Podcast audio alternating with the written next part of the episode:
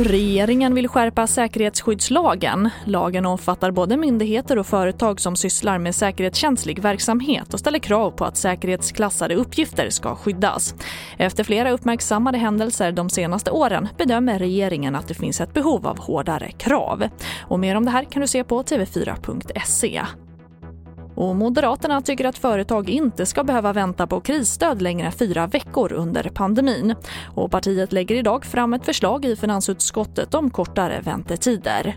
Jag tycker inte att fyra veckor i en pandemi är särskilt kort tid, tvärtom. Utan vi menar att om man inte ansökan är behandlad då ska man få de pengarna eh, som man antagligen då har rätt till. Sen får man ju självklart ha tydliga och noggranna efterkontroller. Och det sa Elisabeth Svantesson, finanspolitisk talesperson för Moderaterna. Och flera europeiska länder återupptar idag sin vaccinering med AstraZenecas vaccin efter att rapporter om allvarliga biverkningar tillfälligt satte stopp. MSB och Säpo misstänker att det svensk-brittiska vaccinet utsatts för en desinformationskampanj från Ryssland och Kina som svartmålat det för att öka konkurrenskraften hos sina egna vaccin. TV4-nyheterna, jag heter Charlotte Hemgren.